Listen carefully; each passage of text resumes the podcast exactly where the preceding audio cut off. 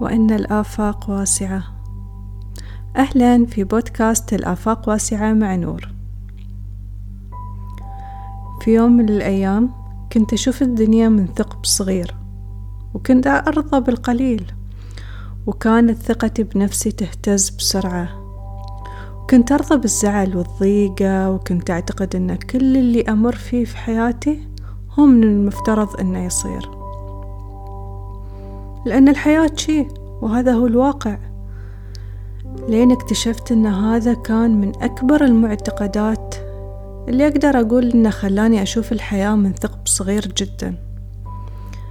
تجاربي اللي أنا سمحت إني أخوضها المعتقدات اللي كنت أعتقدها إنها الصح أفكاري حواراتي مع نفسي والكلمات اللي كانت تطلع مني. كل هذا كان له أثر سلبي على حياتي.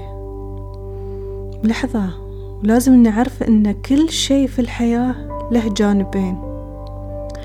لذلك كل مرحلة مريت فيها في يوم من الأيام اكتشفت إنها كانت رسالة كبيرة في تطوري لكن ما قدرت أكتشفها بسهولة. الآفاق واسعة برغم إنها تتكون من كلمتين لكن معناها جدا عميق. مهما بلغت أحزانك والوضع اللي تمر فيه ضيقة تشتت قلق إلى آخره. من المشاعر اللي تضايقك هناك دائما نور في الطريق عليك السعي لاكتشافه. ما في شيء يصير في حياتنا صدفة. هناك جانب آخر من الوضوح والنور.